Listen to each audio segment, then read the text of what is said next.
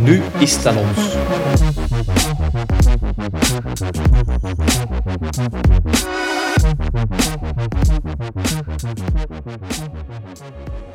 Dag luisteraars.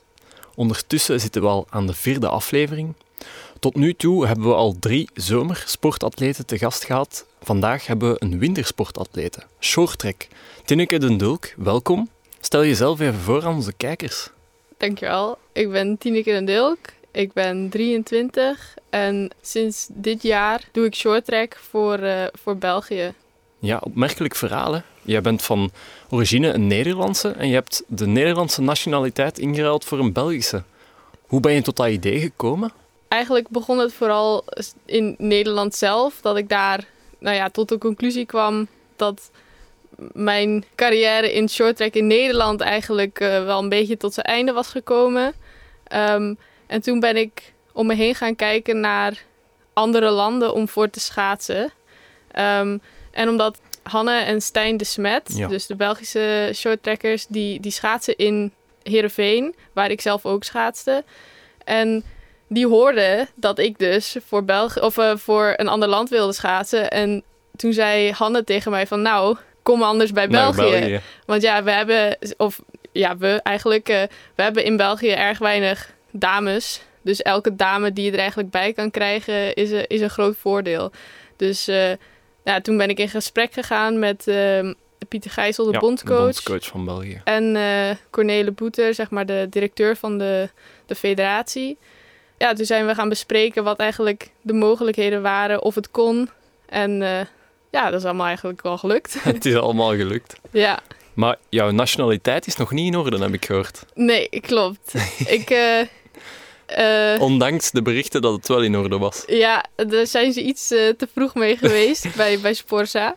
Maar uh, ik heb nu nog niet de nationaliteit. Het is aangevraagd. maar de aanvraag duurt hopelijk tot het voorjaar. En ik hoop dat in het voorjaar dan eindelijk wel klaar zal zijn. En ondertussen mag ik wel al sinds 16 februari voor België schaatsen ja. op grote wedstrijden. Oké, okay, dat belooft. En wordt dat dan geapprecieerd bij de Nederlandse delegatie, dat je eigenlijk van Nederland naar België komt? Hebben ze daar problemen mee?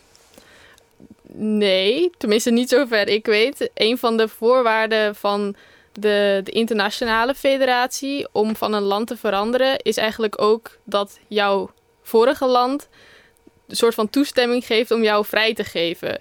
En dat heeft mijn federatie dus gedaan, Oh, mijn oude federatie. Dus ja, in dat opzicht ehm, hebben ze er daar geen problemen mee. En voor de, de, mijn oude teamgenootjes bijvoorbeeld en de rijders van Nederland zelf, volgens mij vinden, hebben die er ook Ja. geen probleem mee. Dat is perfect. Ja, In 1997 ging een andere schaatser jou voor, Bart Veldkamp. Hem werd wel eens verweten van een Belg op papier te zijn, maar voor de rest geen Belg te zijn. Maar bij jou is dat helemaal anders, heb ik gehoord. Jij woont hier sinds 2019 zeker, hè? 2020. 2020, ja. Ja, dus februari 2020 ben ik inderdaad naar België verhuisd en helemaal ingeschreven. Ook om die nationaliteitsprocedure te, te starten eigenlijk. En ik ben ook wel van plan om hier te blijven trainen. Of in ieder geval bij het team te blijven trainen. Ja. Het ligt eraan waar zij gaan trainen Ja, tuurlijk, natuurlijk. tuurlijk. Misschien dat zij ook tijdelijk in een ander land of zo gaan zitten. Maar wel echt bij de Belgische ploeg. En niet eh, alleen maar uitkomen Nee, voor ja. de Belgische ploeg. Dat begrijp ik. Hoe is het allemaal begonnen voor jou? Tot de shorttrackwereld dan? Ik eh, was tien, Tien geloof ik. Ja, tien jaar oud. Eh, en we hadden schoolschaatsen. En aan het einde van het schoolschaatsen kregen we allemaal een flyer mee om alle sporten die ze in mijn ijshal in Leeuwarden hadden, om die eens uit te proberen als je daar dat leuk vond. En eh, ik deed altijd wel skileren met mijn moeder, gewoon voor de, voor de lol eigenlijk, niet als, als Ja. sport. En ja, toen ben ik naar die open dag gegaan en toen heb ik shorttrack geprobeerd. Dat was direct een match. Ja, ik was er eigenlijk wel meteen verliefd op. Zalig. We gaan even focussen op de shorttrack zelf. De, ja, de regelgeving erachter, wat shorttrack precies is. Eh, misschien moet ik beginnen met de verschilpunten tussen lange baanschaatsen en shorttrack. Kan je die kort even toelichten? Ja, het, het grootste verschil is de de grootte van de baan zelf eigenlijk. Een lange baan is 400 meter. Ja. En de baan van, van short track is 111 meter en 11 centimeter. Heel precies. Ehm, en bij het lange baan race je eigenlijk tegen de tijd tegen elkaar. En in short track zit je met meerdere mensen in de baan en uh, moet je elkaar dus in de baan verslaan in plaats van qua tijd. Ja, en in verschil, uh, zijn er verschilpunten op vlak van materiaal? Ja, zeker. Uh, lange baan, daar heb je klapschaatsen, waar dus de, het ijzer afklapt van de schoen. En ja. bij het short track is dat eigenlijk vooral gewoon te gevaarlijk. en daar zit de, de schaats gewoon vast aan de schoen. Maar ook het ijzer zelf heeft een andere soort van kromming en een andere ja, ronding. Ja, oké. Je zei net meerdere atleten in één race. Uh, ik heb gezien naar het WK afgelopen zondag in Dordrecht. Dat waren vijf atleten in één baan. Is dat altijd zo dat er vijf zijn? Nee, het kan verschillen. De meeste races verschillen tussen vier en acht. Acht is meestal wel de maximum. Dat is veel. Dat is, dat is veel inderdaad. Zeker als je van, uh, van helemaal achteraan ja. helemaal naar voren wil. Maar dat, dat ligt per, aan per afstand eigenlijk. Uh, korte afstanden, daar willen ze minder mensen natuurlijk in de baan. Lange afstanden, daar zitten er meestal uh, meer in de baan. Ja, ik heb ook gezien dat er aardig wat geduwd kan worden. Mag dat zomaar in de short track? Nee, het gebeurt maar het wel. gebeurt wel. Ja, uh, kijk, als je mensen probeert in te halen en het gaat op, op je topsnelheid. Je kan niet altijd de juiste actie maken. En ja, soms gaat dat gewoon eigenlijk mis. Um, het, zoals bij mij ook afgelopen weekend. Ik heb een penalty ja, gehaald. Ik, ik wou het net vragen. Helaas, ja. Hoe is dat gebeurd? Iemand haalde mij in. En um, ik blokte diegene eigenlijk bij de bocht in. Um, en op dit moment... Daar, daar, is ook heel veel discussie over binnen, binnen de schaatswereld. Op dit moment zijn er heel veel regels die aangepast zijn binnen de laatste twee jaar. Um, en die ook gewoon ja, op meerdere manieren geïnterpreteerd kunnen worden door de scheidsrechters. Um, en ja. Een beetje subjectief dan? Ja, wel een beetje. Um, toch zijn er best wel duidelijke regels. Alleen ze worden op andere manieren gehandhaafd. En dan moet ik zeggen, omdat ik dan twee jaar geen wedstrijden had gedaan, dat ik heel erg moest wennen aan wat voor soort acties wel en niet konden. Ja, je zei net uh, een penalty, dat, dat wil dan zeggen een afstraffing. Ja, een penalty, dan word je eigenlijk laatste in jouw rit geplaatst. En het ligt eraan in welke rondes je zit, van naar de finales toe. Of je dan, um, maar dan word je zeg maar het laatste in die ronde gezet eigenlijk. Ah, Oké. Okay. Ik heb ook gezien dat er vaak de bocht wordt afgesneden. Het deed me een beetje denken aan het spelletje, uh, Nintendo-spelletje Mario Kart. Ken je dat nog? Ja, ja Maar dan op schaatsen. Ja, nou ja, er zit wel echt iets achter. Want uh, schaatsen lijkt heel erg bijvoorbeeld ook op Formule 1. De manier waarop je bochten moet aansnijden is heel erg hetzelfde. Dus als jij krap uit wil komen, kan je het beste iets wijder ingaan. En dat werkt eigenlijk ook zo bij ja. Formule 1. Dus ja, er dat zit, is waar. Er zit echt wel wat Inderdaad, achter. ik was net aan het denken, hm, Formule 1, schaatsen. Ik zie de link nog niet, maar oké. Okay. Nou ja, bij deze is die iets duidelijker. Ja, dus er is zelfs uh, bij uh, de Formule 1 uh, rijder Max Verstappen, die traint zeg maar online ook met een oud shorttrekker. Gewoon puur omdat, Om die bochten in te schatten. omdat dat inhalen en zo eh, Oh, trainen. Ja. Je kunt binnenom gaan en buitenom. Maar wat is net die strategie daarachter? Is het best dat je binnenom gaat of buitenom inhaalt eigenlijk? Het ligt heel erg aan de afstand, aan het moment in de race. Buitenom eh, wordt gewoon vaak gezien als een zwaardere actie. Omdat je Om- meer afstand Ja. ook moet overbruggen eigenlijk. Ja, je maakt meer meters, dus dat kost gewoon meer moeite. Binnendoor kan ook heel goed zijn, maar dat is vaak hoger risico. Ah. Omdat je moet dan wel een gaatje vinden om ertussen te komen. Het is dan dat je de bocht net moet afsnijden van een ander. Ja, Allee, inderdaad. Moet, meestal. Die actie van Stijn de Smet tijdens het WK. Wauw. Oeh, dat was denk ik mijn favoriete actie Mijn van het ook. weekend. Ik ken er niet veel van, maar het was ook mijn favoriete actie. Die was heel clean ook. Heel clean. Ja. Als jullie een bocht nemen, leggen jullie één handje op het ijs, de binnenhand. En er zijn ook van die plastieke dopjes aan. Ja. Kan je me daar iets meer over vertellen? Waarom dat jullie het hand op het ijs leggen? ja, eigenlijk is dat puur voor balans. Ehm, kijk, als je het niet kan, als je het niet hoeft te doen, dat is eigenlijk alleen maar mooi. Want dan heb je al je druk op je, op je ijzer zelf en kan je al die kracht daarop uitspelen.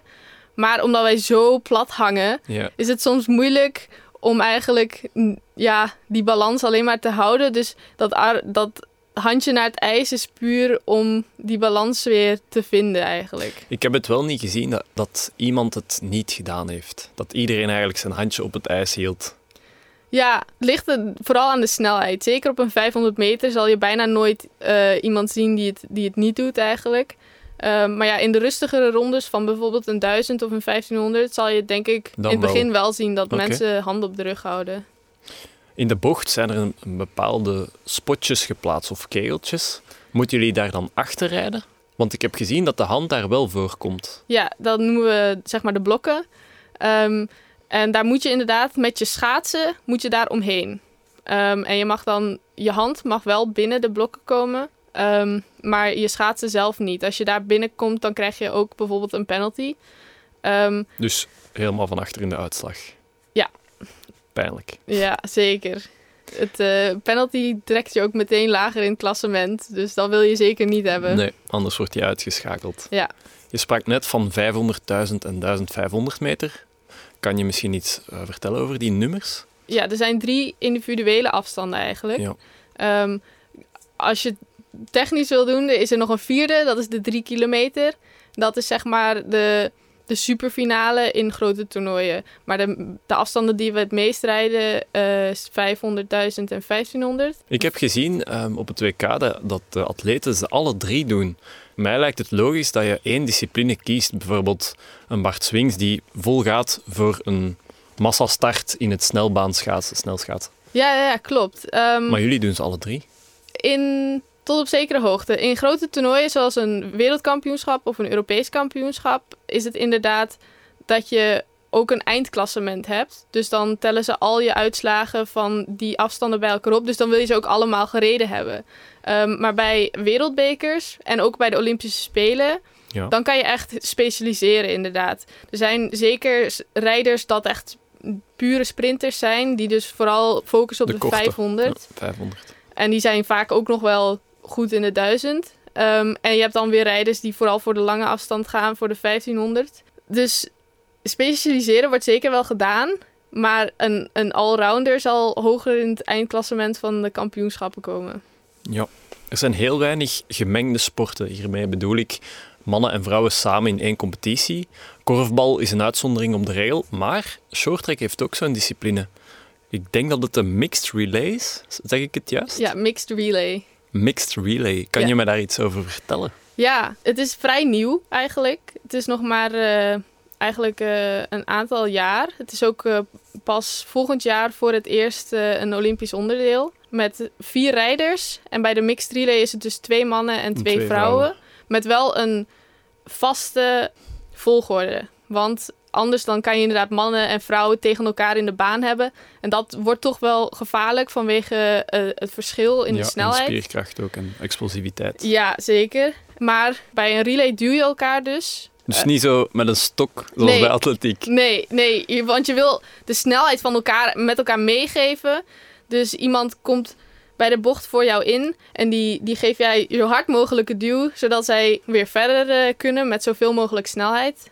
Bij de mixed relay is dat dus dan twee vrouwen en daarna twee mannen en dan weer twee vrouwen, twee mannen. Dus eigenlijk een aflossing. Ja, Ja. ja. zo noemen we het ook wel. Dat is in het Nederlands dus gewoon de Ja, aflossing. eigenlijk wel. Oké, misschien moeten we minder Engels praten en gewoon bij het Nederlands blijven. Ja, ondertussen noemt iedereen het relay. Daarom denk Ja. ik daar zelf ook aan. Jullie topsnelheden liggen redelijk hoog. Snelheden tot 45 km per uur. Die haal ik zelfs met de fiets niet. Over snelheid gesproken, in de bocht gaan jullie er soms wel eens onderuit. Wat ik mij dan afvraag, is dat gevaarlijk of valt dat wel goed mee? Ja, dat is gevaarlijk. Ehm, ja, zeker. Zeker op de grote wedstrijden. eh, alle ISU-wedstrijden, dus alle wereldbekers en kampioenschappen en zo, is het op dit moment ook verplicht dat de, de boarding van, van de ijsbaan, dat dat, Kussens zijn. ja, dat, nou, dat sowieso. Oh, ik was al te vroeg. dat sowieso. Maar dat de boarding ook meebeweegt als je valt. Dus dat is geen harde boarding. Die, dat zijn alleen kussens die er staan, maar die kussens zitten wel aan elkaar vast. En als je daar dus invalt, dan valt de boarding eigenlijk deels met je mee, waardoor de impact kleiner is. En zeker als je dus bijvoorbeeld met twee mensen tegelijk de boring in gaat, kan dat echt, echt grote verwondingen eigenlijk voorkomen. Ik heb een keer ehm, een foto zien passeren op Facebook van een atleet, en, uh, een shorttrack atleet, en die had echt een serieuze kneuzing aan, aan de rug of zo. En die heeft daar vijf jaar van moeten herstellen. Ja, ja. we hebben ja, op dit moment ook uh, twee uh, rijders in ons team die aan het herstellen zijn van een, een val met z'n tweeën tijdens de training. En ja, dat, dat was wel echt ernstig. Ah, ik hoop dat dat niet te vaak gebeurt in wedstrijden. En dat is wel goed dat ze maatregelen nemen vanuit de internationale federatie zijnde om toch die uh, schade zo goed mogelijk te beperken natuurlijk. Ja. Jullie dragen ook snijbestendige kledij, heb ik gehoord. Klopt. Gebeurt het dan eens dat je je toch nog kan snijden aan een ander zijn schaats? Ja, ja, ja. Mag um, ik het een schaats noemen eigenlijk? Ja, wij noemen de, hetgene wat eigenlijk snijdt, eigenlijk, dan noemen wij de ijzers. Okay, maar ja. het is nog steeds je schaats waar je okay. aan snijdt. Um, ja, ik heb het zelf gelukkig nog niet gehad. Uh, even, even afkloppen. uh, maar um, ik heb meerdere snijwonden gezien, moet ik zeggen. En dat, soms gaat dat nog steeds door zo'n snijvast pak heen. Het is no, nog steeds niet altijd perfect. Maar soms is, zijn ook niet alle delen bedekt. Soms zijn alleen de, de essentiële delen zijn bedekt met het uh, snijvaste. En ja, um, ik heb bijvoorbeeld één uh, oud teamgenootje gehad. En bij hem had hij net pech dat er boven zijn, zijn pak uitkwam en die werd in zijn nek geraakt. Gelukkig viel dat echt goed mee, zeg maar. Er was niks gevaarlijks geraakt. Gelukkig. Maar um, ja, je, je kan gewoon pech hebben. Ik bedoel, er zijn ook soms... Je gezicht is ook niet bedekt. Um, en daarom wordt er ook wel aangeraden om bijvoorbeeld een bril en zo te dragen. Oké. Okay. Ik heb gezien dat er heel veel kleine mensen zijn binnen de short track community.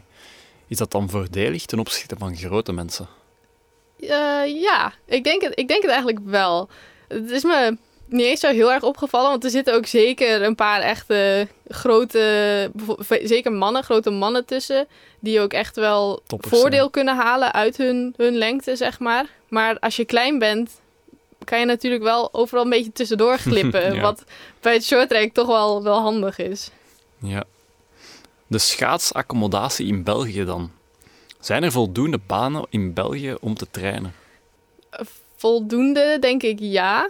Um, er zijn, ze zijn alleen niet allemaal even kwalitatief. Gewoon, ja, wij, wij trainen op dit moment in Hasselt. En dat, dat is verder een hele goede baan. En ze, ze werken er ook zeker hard aan om, zeg maar, naar onze feedback bijvoorbeeld te luisteren en zo. Maar ja, daar staat bijvoorbeeld alleen een harde boarding. Dus niet zo'n boarding die meebeweegt. Ja, zoals je net aanhaalde. Ja, uh, en dat zijn alle banen in België eigenlijk. En in een aantal andere banen, waar dus voor de clubs en zo trainen, daar is het ijs ook gewoon niet geweldig. Maar ja, dat is ook gewoon lastig om, om, om goed te houden als je daar niet uh, ja, ik heb de gelezen, faciliteiten voor hebt. Er zijn 13 schaatsbanen in Vlaanderen, drie in Wallonië, maar die zijn niet allemaal geschikt voor shorttrack dan. Ik denk het niet. Ik denk dat er maar inderdaad een aantal echt geschikt voor het shorttrack zijn. Ze moeten ook natuurlijk de, de kussens hebben om neer te zetten. Die zijn essentieel om uh, überhaupt uh, te kunnen shorttracken. In Wallonië zijn ook geloof ik geen shorttrack clubs. Nee, dus ik niks denk... gevonden.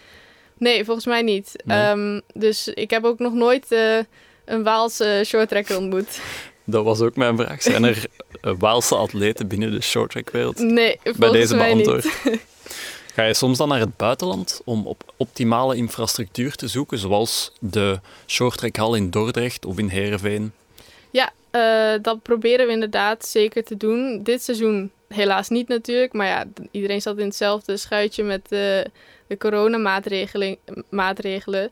Um, daardoor zijn we niet op kamp kunnen gaan, maar normaal uh, ging Team België vaak wel, geloof ik, naar Luxemburg. En ze zijn ook inderdaad wel eens naar, naar Utrecht en Dordrecht uh, geweest. Dus hopelijk komend seizoen, Olympisch seizoen, kunnen we wel weer uh, ergens naartoe. Ja, hopelijk. Als alles voorbij is. Deze Ja. vreemde tijden. Zeker. Jouw trainingsgewoonte. Hoe vaak train je per dag? Is dat één keer? Is dat twee keer?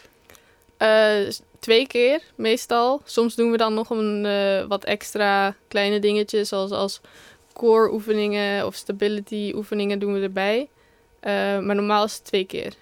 Ja. En ik heb gelezen, er bestaat een training cirkeldraaien.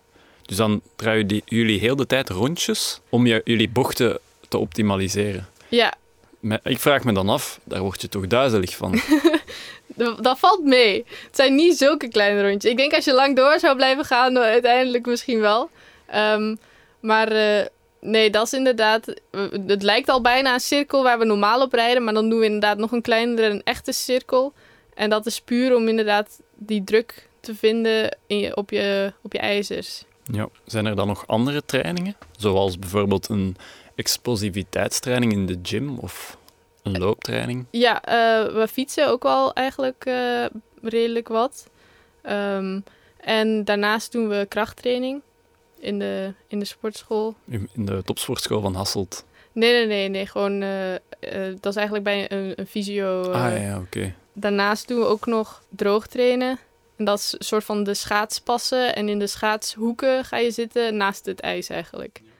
Maar beenspieren zijn toch wel belangrijker dan uw armspieren, vermoed ja, ik. zeker. Het is daar waar jullie vooral op trainen. Ja, want beenspieren voornamelijk. We proberen wel eigenlijk redelijk een beetje in balans te houden met ons, ons bovenlichaam. Ik bedoel, je wil niet dat, dat die je armen helemaal niks kunnen. Zeker voor de relay dus. Als je iemand moet duwen, Ja. moet je wel genoeg eh, armspieren hebben eigenlijk. Oké. Nederland wintersportland dan. Aangezien Nederland het WK vorige week organiseerde, allee, vermoed ik dat Nederland toch wel meedoet voor de prijzen. Anders ga je dat WK niet organiseren. Zo bijvoorbeeld heeft Suzanne Schulting op alle nummers een gouden medaille behaald. Dat is wel opmerkelijk, hè? Ja, Een dat, sterke atlete. dat is echt gewoon bizar. Dat is heel bizar. Want Dat- je zei net dat, allee, dat je toch kan specialiseren, maar zij heeft ze dan alle drie gewonnen. Ja, in dat opzicht is ze zeker gewoon allrounder. Ehm, in het begin was ze iets meer van de 1000 en de 1500 meter. Maar dit jaar heeft ze zich ook echt eh, gefocust op die 500. Dus eh, daaraan kan je wel zien in het shorttrack. Het, je kan het wel allemaal in dat opzicht leren.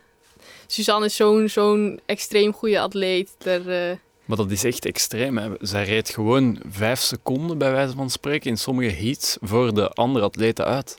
Terwijl die anderen daarachter naast elkaar reden. Allee, achter elkaar. Dat is toch echt zot. Ja, dat, dat is het ook zeker. Ik bedoel, eh, ik, eh, ik rij eigenlijk echt al sinds, sinds het begin dat ik schaatste tegen Suzanne. En ik moet zeggen dat ik op dit moment het iets minder erg vond, vind dat ik vroeger toen ik jong was ook nooit van haar kon winnen. maar eh, ja, ze is echt, echt extreem goed bezig. En ik, ik ben er heel erg van onder de indruk. Ja, ik ook. Dat Nederland een wintersportland is, dat weten we allemaal. Vorig, eh, Olympisch, vorige Olympische Winterspelen behaalde Nederland 20 medailles. Ik herhaal 20. Dat is vier keer zoveel als dat wij Belgen ooit op een winterspelen behaald hebben. Wauw. De cijfers spreken boekdelen bij deze. ja. Maar ik begrijp niet goed waarom dat die kloof tussen België en Nederland op vlak van wintersporten zo groot is. Het is toch niet dat jullie, sorry, dat mag ik eigenlijk niet zeggen jullie, dat Nederlanders een winters klimaat hebben en wij België een meer zomers. Dat die verschillen toch minimaal zijn. Nee, dat, dat is zeker waar. Ik, ik heb daar zelf eigenlijk ook wel eens over nagedacht van waar dat verschil nou eigenlijk in ligt. Zo ver zijn we niet van elkaar af. Inderdaad. ehm, ik denk misschien een van de dingen is toch wel de Elfstedentocht in ja, Friesland. dat leeft daar echt wel. Ja, zeker in Friesland is dat echt extreem. En dan heb je natuurlijk ook nog Heerenveen, de soort van met Tialf, zeg maar, de grote ijshal, soort wel in, de, in Nederland en nog ook wel in Europa, voor het lange baan dan. Ehm, en ja, Nederlanders zijn sowieso erg van het supporten van, van Nederlanders op, op sport. ja, Eh, bij alles is dat zo. bij alles, inderdaad. En als wij dan ergens goed in zijn, dan wordt er heel veel mee gedaan. Dan, dan wordt dat ook echt wel eh, voor gezorgd dat, dat we daar goed in blijven eigenlijk. Of in ieder geval geprobeerd. Ja. En ik, ik denk dat België misschien nog niet opgepikt heeft ehm, dat enthousiasme. Maar- Ja, ja nee, want bijvoorbeeld... Ja, Je haalde de Elfstedentocht aan. Bij ons is dat ook iets dat elke keer opnieuw, elke winter, wanneer het weer eens goed gevroren heeft, dan halen we dat aan. Gaat hem door, gaat hem niet door. En als het er is, wordt hij ook op tv bij ons uitgezonden. Dus er is wel een interesse voor, maar toch is die kloof zo groot. Ja, ja ik, ik, ik heb eigenlijk ook geen idee waarom dat is. Misschien op dit moment ook om... Nou ja, nu hebben we een aantal betere, betere schaatsers. Maar daarvoor misschien ook deels omdat er gewoon voor België niet, niet genoeg ehm, schaatsers Ja. waren om voor te juichen eigenlijk. Eh shorttrack was in dat opzicht ook niet heel erg groot in Nederland op het moment dat de Nederlanders daar nog niet echt goed in waren. Ja. Dat is ook pas de, de laatste jaren dat, dat Shinky en Suzanne eigenlijk eh, naar de top kwamen, dat, dat het echt groot werd in Nederland. Van Nederland over naar China en Korea. Zij domineren de sport ook, hè. zeker de Zuid-Koreanen. Ik heb gezien dat vier van de tien atleten binnen de top 10 van de wereldranglijst, dat zijn Zuid-Koreanen. Maar toch deden zij niet mee aan het WK vorige zondag. Waarom was dat? Ja, corona. Ah, oké. Echt eh, alleen corona. Ja. De China en Korea, volgens mij, hebben gewoon die landen zelf besloten dat ze geen sporters wilden laten afreizen naar Nederland. Puur vanwege corona. Japan was er bijvoorbeeld ook niet. Nee. Eh, nee, geen enkel Aziatisch land. eh, behalve Kazachstan. Maar Die heb ik niet gezien. dat is ook soms half eh, bij Europa eigenlijk. Stel dat zij er wel waren, waren de medailles dan anders verdeeld? Bijvoorbeeld Suzanne of Hanne de Smet, onze Belgische shorttrekster.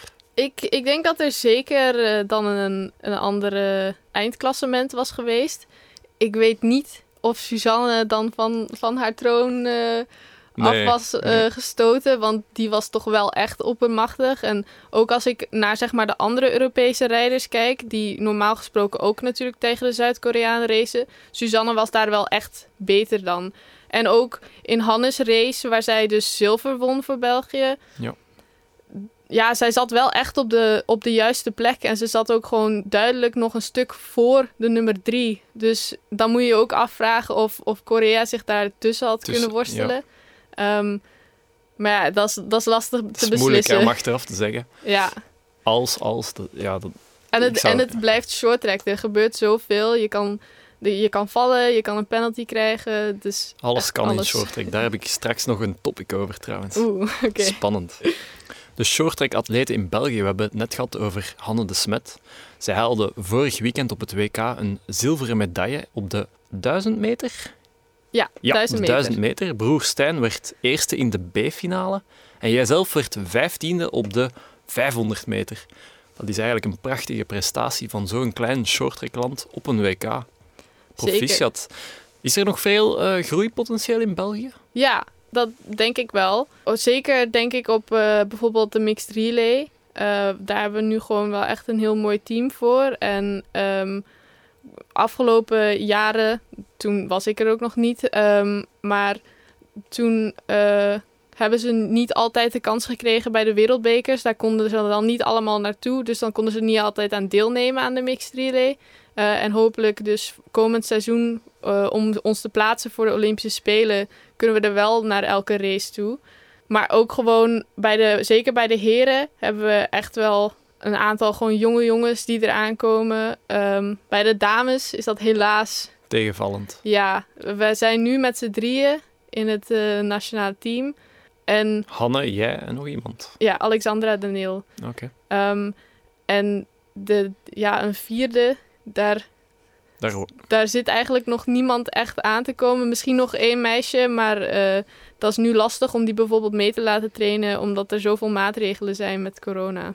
Bij deze misschien een oproep naar allemaal meisjes in Vlaanderen om shorttrack te gaan doen. In plaats van een typische sport voor meisjes, ballet of dansen. Ja, nee, zeker. Ik bedoel, het shorttrack is gewoon super leuk en we, we kunnen altijd meer meiden gebruiken. De Olympische Winterspelen dan, die vinden plaats volgend jaar in Peking. Ik ben altijd verward. Als ik Peking hoor, moet ik nog altijd denken aan 2008, de zomerspelen. Ja, Maar het is dus degelijk in Peking opnieuw, 2021. ja. Hoe staan de Belgen ervoor? Zijn zij al geplaatst voor de Winterspelen? De Shorttrack Federatie dan, hè? Nee, bij het shorttrack werkt het anders. Er is nog niemand geplaatst van welk land dan ook voor de Spelen. Eh, bij het shorttrack werkt het zo dat eh, in hetzelfde seizoen van eh, het, het, het schaatsseizoen dus van de Spelen zijn er wereldbekerwedstrijden.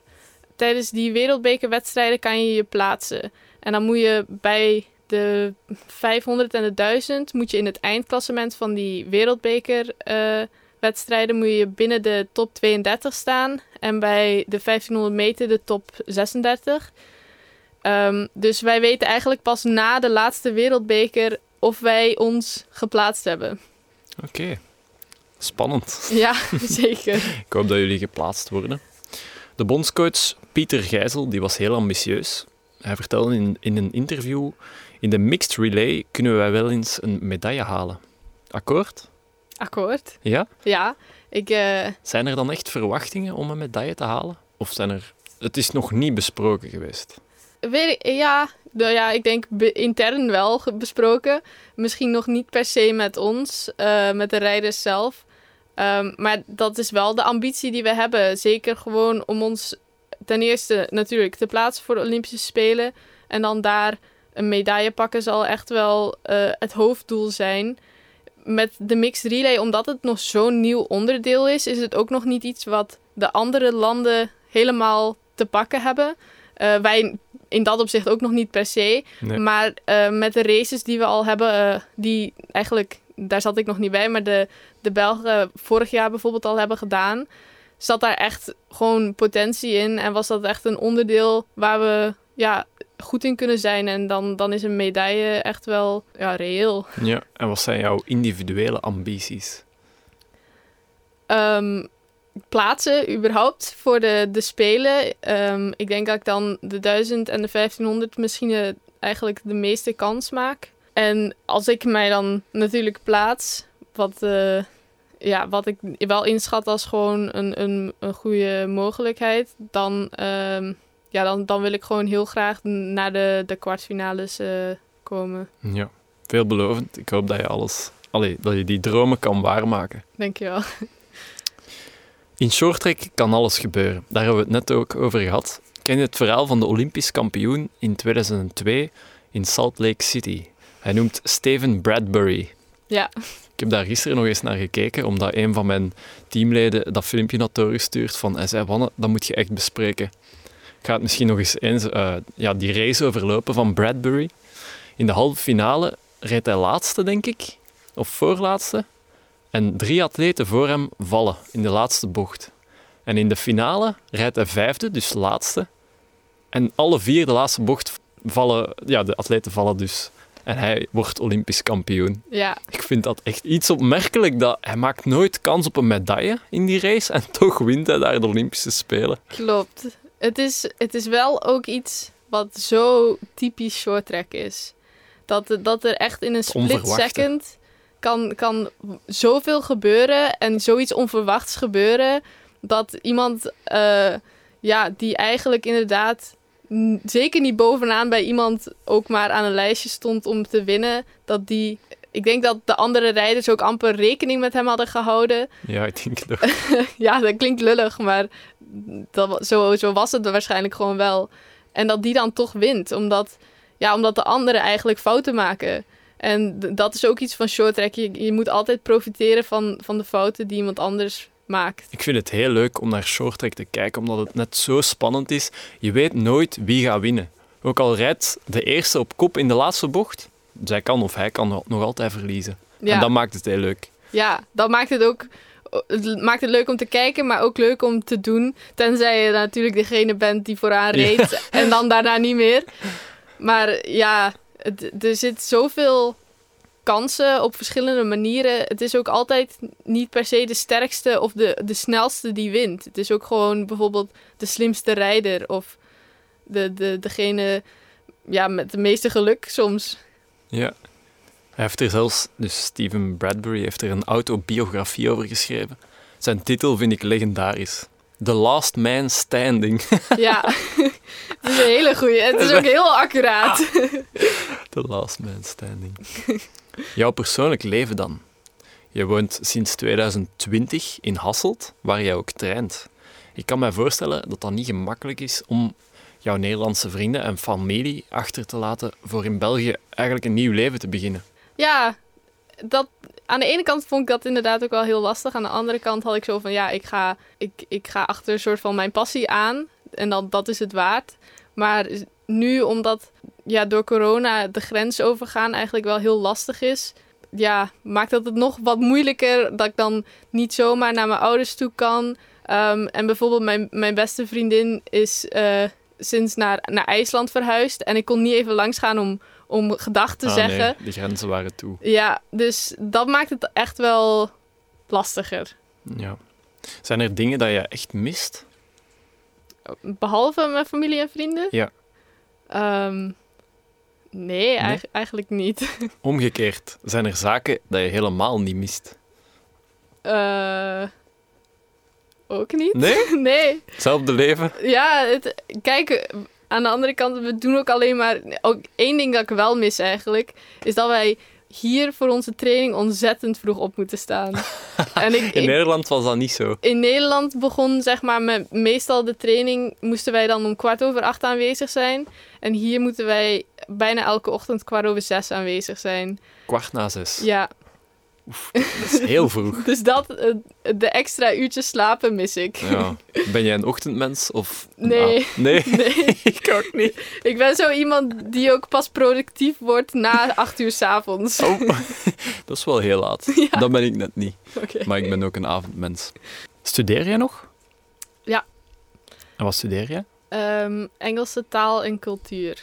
In België of in Nederland? In, in Nederland, eh, in Groningen zelfs. Oh, Dus dat is eh, echt niet bij de deur. Nee, maar eh, ik, dit jaar hoef ik eigenlijk alleen nog maar mijn thesis te doen. En dat kon, kon sowieso al op afstand. En nu met corona moet dat per se op afstand. Ehm, dus dat, dat, op dit moment kan dat nog perfect eigenlijk. Ja. Dus dat komt goed. Ja, Want ja, ik kan begrijpen, je, je bent in België en als je dan een Nederlandse studie volgt, dat moet niet gemakkelijk zijn. Nu misschien iets makkelijker, maar in normaal leven zou dat misschien moeilijk, allee, onmogelijk geweest zijn. ja normaal zou dat eh, denk ik echt wel lastig zijn geweest. Eh, zeker voor vo- volgend jaar, op het moment dat ik mijn vervolgopleiding wil gaan doen, moet ik ook echt nog goed gaan kijken wat er mogelijk is in, in België, maar ook in, Nederland in dat opzicht eigenlijk. Leuke anekdotes, weetjes over de shorttrack of over jou. Eerste anekdote, of een interview. Met de Belgische Shorttrack Federatie zei je... Ik moet toch nog aan de taal wennen, ook al lijkt het op het Nederlands. Vlaams is toch niet makkelijk te begrijpen. Toen ik dit had gelezen, had ik mezelf voorgenomen om echt op mijn taal te letten, dat je mij zeker zou verstaan, dat je niet tien keer wat blief of zo moest zeggen. Dus bij deze hopelijk ben ik verstaanbaar. Ja, ze- ja je bent heel goed verstaanbaar. Oké, ehm, maar ik heb zelf een Nederlandse kotgenote en ja, ik, begrijp, ik snap uw eh, ja, verwarring met de Vlaamse taal. Zij had dat ook moeilijk bij bepaalde Vlaamse uitdrukkingen, zoals bijvoorbeeld klak, Nee. dat is een pet. ah, oké. Maar jij bent van Friesland, Ja. heb ik gelezen. Klopt. Kan je mij een woordje Fries toespreken? Eh, jawel, maar wat voor woord? Typisch eh, Fries woord of zo. Eh, We hebben wel een typisch gezegde in Ja. Friesland. Dat was iets van de geschiedenis wat mensen moesten zeggen om te bewijzen dat ze Fries waren. En dat is ehm Boeterbree en green het zies, waar dat net sissekin is geen oprechte Fries. Dat is voor mij een Noors of zo, of Zweeds. Dat, Het- dat associeer ik echt niet met Nederland. Hè. Ja, maar ik heb, ik heb dus serieus laatst nog aan, aan een Belg een, een stuk in het Fries geschreven stuk laten zien. En die kon dat toch echt wel begrijpen. Ik denk dat het lezen ook eigenlijk gewoon als een soort raar Nederlands eruit ziet. En heel veel normale woorden die je zou tegenkomen in, in het Fries lijken toch wel heel erg op Nederlands. Hoe je het net zei, was het voor mij onverstaanbaar. Ik kon er niets Nederlandstalig uit afleiden. Misschien moet je ook eens vertalen. Ehm, ja, het is eh, boter en, en. Ja, ik weet eigenlijk niet eens of dat een exact Nederlands woord voor is, maar boter, bree en groene kaas, wie dat niet kan zeggen, is geen oprechte Fries. dat is wat je zegt. Oké, schrijf hem straks op, dan ga ik dan de rest voorleggen. Als Ontcijferen. je, als je het opgeschreven ziet, is het nog moeilijker, denk ik. Dan gaan we dat niet doen. Ik heb op Instagram gelezen dat jouw teamleden jou de Hulk noemen, de Hulk. Ehm, ik ben blij dat je niet groen ziet, maar waarom die bijnaam? Eh, dat, dat heb ik denk ik eh, per ongeluk zelf eh, Ah, gedaan. Ehm, want op Instagram heet ik Tineke de Hulk. Dat was eigenlijk puur omdat Tineke den Dulk Ah, al ingenomen achternaam. was. Ja, en den Dulk en de Hulk, da- daar is er vroeger altijd al een beetje grapjes over geweest. Dus dat heb ik toen maar zelf ook maar op Instagram gedaan. En, en daardoor wordt dat nu overgenomen. Oké. Elke week sluit ik onze podcast af met een kort quizje van drie vragen. Yes. Deze week heb ik er een special edition van gemaakt. Ik noem hem zelf de inburgeringsquiz, omdat jij bijna Belg bent. Dat is, Oei. dat is een mopje, hè. Als ik deze faal, krijg ik mijn nationaliteit dan niet gooi. Als je de drie op drie haalt, mag je naar huis gaan als, met de titel Volwaardige Belg. Oeh, oké. Dus zie maar dat je de drie haalt. Eerste vraag. Dat België verzot is op sport is geen geheim meer. Dit uit zich ook in de cijfers van de meest bekeken programma's op televisie. Het meest bekeken programma, dus op nummer 1 van de Vlaamse tv-zenders, is een sportwedstrijd. Over welke sport spreek ik? Voetbal? Helemaal correct. Dat is ook een heel makkelijke vraag. Want wij Belgen zijn allemaal verzot op voetbal en wielrennen. Ja, ik twijfelde ook tussen wielrennen en voetbal. Goeie twijfel. Het was een wedstrijd van de Rode Duivels in 2018 in juli. België tegen Frankrijk, de halve finale van het WK voetbal. Dat heeft 2,5 miljoen kijkers achter de tv-buis laten kijken. Als je weet dat ons, wij Belgen zijn met 11 miljoen en de helft is ongeveer Franstalig. Dat wil zeggen dat de helft van de Vlamingen naar de VRT heeft gekeken op dat moment. Dat is veel, hè? Dat is heel veel. Ook een leuke anekdote. Tijdens het WK zijn er een paar aardbevingen gedetecteerd in België. Raar, hè? Weet je hoe dat komt? Nee. Omdat de supporters bij elk Belgisch doelpunt zo hard juichten en zo hard stampten op de grond, hebben wetenschappers in hun eh, laboratoria's dus degelijk lichte aardbevingen gedetecteerd. Dat is echt waar. Dat zijn, dat zijn op schaal van. Richter zelfs geen één, maar Ja, maar alsnog. een lichte vorm. Dat is echt bizar. Stel je voor dat er 2 miljoen mensen tegelijkertijd springen. Dan heb je dus een kleine aardbeving. Oh my god. Die wou ik er toch even bij zeggen. Van de populairste sport naar de minst populairste sport in Vlaanderen. Welke Vlaamse sportfederatie telt het minst aantal leden? Ik weet dat je dat zo niet op het eerste idee gaat weten. Dus daarmee heb ik er ook een meer keuzevraag voor voorzien. Oké. Eerste antwoord is A. Korfbal. B. Wushu. Of C. Autosport. B. B, inderdaad. Wushu, dat is het Chinees voor krijgskunst. Ah, oké. Eh, deze federatie telt 592 leden. Dat is heel Oh. weinig, hè? Maar vind ik eigenlijk nog... Vind je dat veel? Me- Ja, tenminste, dat klinkt alsnog eh, redelijk iets. 500? Aan onze faculteit studeren 1000 studenten. Dus dat is de helft van onze faculteit. Ja, dat is wel weinig. Ja, het is hoe dat je het vergelijkt Ja. met andere cijfers. Weet, je- weet je hoeveel uh, shorttrackers er zijn? Ehm, ik denk dat de shorttrack één federatie is met Ah, ja, ja. schaatsen, dus ik kan het niet van buiten zeggen. Ik heb het ook niet opgeschreven. Oké, maakt niet uit. Derde vraag en laatste vraag. Je hebt al twee op twee. Yes, Yes. bijna Belg. Zoals net aangehaald, heeft ons land in een tijdspanne van 100 jaar bitter weinig medailles behaald op de winterspelen. Wel geteld zes stuks. Twintig jaar na de bronzen medaille van Veldkamp in 2018 was het terug opnieuw zover. Een medaille voor de Belgen als een phoenix uit zijn as herrezen. Een zilveren medaille weliswaar. Weet je ook over welke atleet ik het heb? Ja, Bart Swings. Misschien was hij iets te makkelijk. ik bedoel, eh, die traint ook altijd in Heerenveen, Ja. dus die kom je af en toe ook wel tegen daar in de wandelgangen. Maar ik ben er wel van overtuigd dat wij als klein Belgeland het keigoed gaan doen in Peking. Er is een goede generatie aan wintersportatleten. Ik ga er een paar opnoemen. We hebben een heel goed snowboardteam met Laurent Osmans, Seppe Smits, Seppe de Buk. Bart Swings die het opnieuw top gaat doen. Hij is misschien dan 31, maar hij heeft zich echt wel optimaal voorbereid. We hebben een, een misschien nieuwe shorttrack delegatie die hopelijk op de mixed relay het keigoed gaat doen. Ja, En zeker. Misschien op individueel vlak ook. Met Hanne de Smet en jij en, en Stijn. Zeker. Ik denk dat we daar ook wel eh, potentie hebben.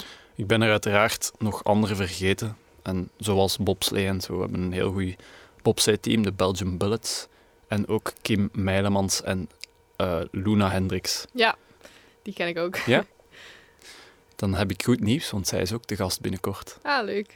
Ja, tenminste, die, die schaatste ook een tijdje in Hasselt eh, eh, een paar Ja. maanden geleden. Rondom eh, corona, dat dat helemaal in het begin was, werd ook het kunstrijden tijdelijk in, in Hasselt gedaan. Ah. Maar niet, niet lang hoor. Normaal sluit ik af met de media-aandacht in België. Dus dan vraag ik, vinden jullie dat er voldoende media-aandacht is in België voor jouw sport? Bij deze is die aandacht onbestaande. ja. Nee, ik vind niet dat hem onbestaande is. Er is wel degelijk aandacht. Bijvoorbeeld de WK-prestaties zijn wel op het nieuws geweest. Uh, misschien niet op de live televisie, maar er zijn wel berichten geweest. Maar het, het kan nog beter. Ja, ja, ik denk dat daar zeker... Uh, ja, dat, dat kan inderdaad gewoon beter. Ook met um, ja, de wedstrijden zelf. Er wordt niet heel veel... Uh, over vernoemd hoe, hoe het gaat. Dit jaar vind ik het, vond ik het eigenlijk al best beter. En nu natuurlijk met Hanne, ja, daar werd veel over, over gezegd natuurlijk. Um, maar ook over, er wordt vaak wel naar Hanne en Stijn gekeken, wat uiteraard, ze doen wel de, de beste prestaties. Maar daarbij worden de, de kleine, de, de, de andere schaatsers eigenlijk wat uh, vergeten. Maar ook het, het short track van de, de jongere rijders, daar wordt eigenlijk nooit naar gekeken, omdat dat niet die grote wedstrijden zijn eigenlijk. En dat is wel jammer natuurlijk. Ja, er is wel een verschil. Hè. Op Nederlandse televisie is het allemaal live te volgen. Ja. Ik denk elke World Cup op eh, de NPO 1. Ja.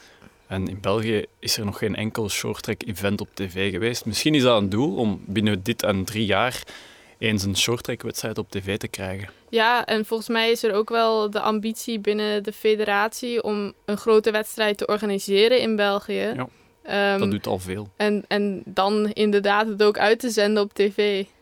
Ja. We zijn aan het einde gekomen van onze aflevering met Tinneke den Dulk. Het was echt een zeer boeiende aflevering. Ik heb weer veel bijgeleerd en ik hoop jullie ook. Bedankt dat je naar ons wou komen in Brussel. Je hebt je overstap zelfs moeten missen in Leuven. ja. Ingewikkeld station. Volgende week hebben we de buffel van Tiene te gast. Wart Lemmelijn schoof zijn voetbalcarrière aan de kant voor een carrière in de roeisport te gaan beoefenen. Ik kijk er naar uit, naar zijn verhaal. Tot volgende week.